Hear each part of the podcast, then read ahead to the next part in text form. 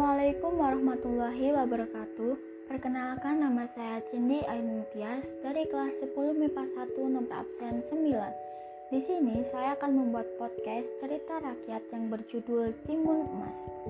Alkisah di sebuah desa di daerah Jawa Tengah.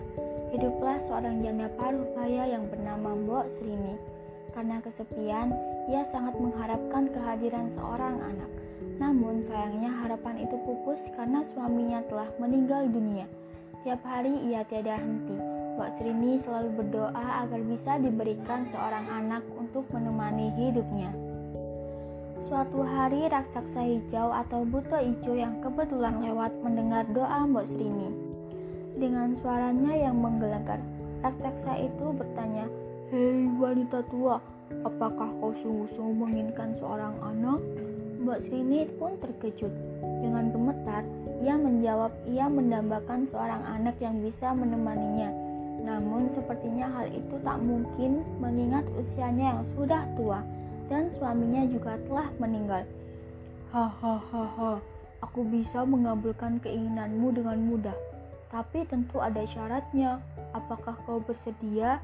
Tanya si raksasa. Baiklah, aku bersedia, sahut Mbak Serini menjawab walau hatinya takut melihat sosok raksasa yang besar dan seram. Periharalah anak yang kuberikan padamu nanti. Beri ia makan yang banyak supaya gemuk. Aku akan menjemputnya saat ia berusia enam tahun. Ucap si raksasa menggelegar. Tidak ada pilihan lain, Mbak Serini menerima syarat tersebut. Raksasa itu memberinya segenggam biji mentimun untuk ditanam. Mbak Srini pun mengikuti saran si raksasa untuk menanam biji mentimun yang didapatkannya. Biji itu tumbuh dan berubah dalam waktu yang singkat. Dalam beberapa hari saja, pohon mentimun tumbuh dengan buahnya yang besar dan siap untuk dipanen. Betapa terkejutnya Mbak Srini ketika sedang memetik salah satu mentimun, di hadapannya terdapat bayi perempuan yang sangat cantik. Bayi itu dinamai dengan nama Timun Emas karena ia lahir dari mentimun yang berwarna keemasan. Beberapa waktu kemudian, raksasa pun kembali mendatangi kediaman Basrini dan Timun Emas.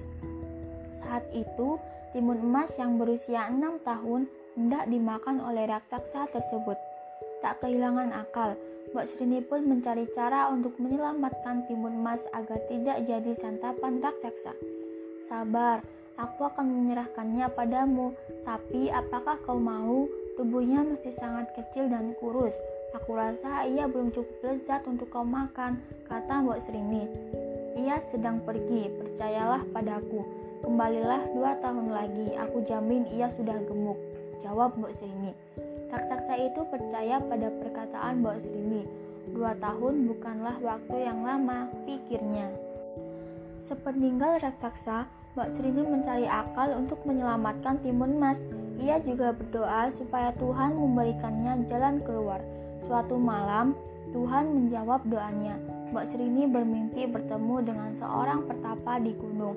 Pertapa itu menyuruh Timun Mas untuk menemuinya. Ia akan menolong Timun Mas. Setelah berhari-hari mendaki, Timun Mas akhirnya mencapai puncak gunung. Ia melihat seorang lelaki tua berambut putih dan berjubah putih. Permisi kek, namaku Timun Mas. Ibuku bilang kakek akan membantuku melawan raksasa jahat yang hendak menyantapku. Sapa Timun Mas. Oh, kau yang bernama Timun Mas. Ya, aku memang mendatangi ibumu lewat mimpi. Cucuku, jika raksasa itu kembali, berlarilah dengan kencang pesan si petapa itu. Langkah kakinya lebar, aku pasti mudah tertangkap, kata Timun Mas heran. Ambillah empat buah bukusan kecil ini, lemparkan satu persatu ketika kau melarikan diri, jawab pertapa itu dengan tegas. Dua tahun berlalu, saatnya raksasa kembali untuk mengambil Timun Mas. Benar saja, tiba-tiba tertinggal langkah kaki dan teriakan menggelegar. Bok Srini, mana anakmu? Aku sudah lapar, teriaknya. Kumohon, Jangan makan dia, pinta Mbak Srini. Enak saja, kau sudah berjanji, kau tak boleh mengingkarinya, jawab raksasa dengan perkasa. Mbak Srini membawa Timun Mas menemui raksasa itu. Timun Mas berbisik padanya, jangan khawatir bu. Timun Mas berlari dan segera membuka bungkusan pemberian kakek pertapa itu. Bungkusan pertama ternyata berisi biji mentimun. Ia melemparkannya ke arah raksasa. Keajaiban pun terjadi. Biji mentimun itu berubah menjadi ladang timun yang buahnya sangat banyak. Langkah raksasa tertahan oleh ladang timun itu. Dengan susah payah, ia harus melewati rintangan dan batang-batang pohon yang meliliti tubuhnya. Namun, ia berhasil meloloskan diri. Ia bertambah marah. Kemudian bungkusan kedua yaitu berisi jarum. Timun melemparkan jarum-jarum itu. Jarum-jarum itu berubah menjadi pohon-pohon bambu yang tinggi dan berdaun lebat. Raksasa harus bekerja keras menerobos pohon-pohon bambu itu. Timun Mas membuka bungkusan ketiga. Sambil terus berlari, ia melemparkan isi bungkusan itu yaitu garam. Lagi-lagi keajaiban terjadi. Garam itu berubah menjadi lautan yang sangat luas. Namun lautan itu tak menjadi penghalang bagi raksasa.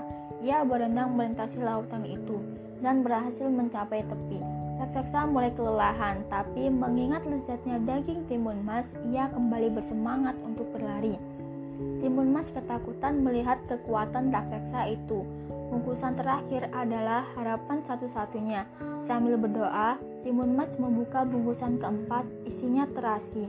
Sekuat tenaga, Timun Mas melemparkan terasi itu ke arah raksasa. Apa yang terjadi? Terasi itu berubah menjadi lautan lumpur yang panas mendidih. Raksasa yang berlari kencang tak dapat menghentikan langkahnya. Ia pun terperosok ke dalam lumpur. Ia berteriak dan meronta. Namun, semakin ia meronta, semakin dalam lumpur itu menghisap tubuhnya. Ia akhirnya tenggelam ke dalam lumpur panas. Timun Mas menghentikan langkahnya. Ia lega karena berhasil menyelamatkan diri. Dengan kelelahan, ia berjalan pulang ke rumahnya. Mbak Srini yang terus menangis sepeninggal Timun Emas sangat bahagia melihat kepulangan putrinya. Mereka berpelukan dan mengucap syukur pada Tuhan atas pertolongannya. Sejak saat itu, Mbak Srini hidup bahagia bersama Timun Emas. Sekian podcast dari saya. Wassalamualaikum warahmatullahi wabarakatuh.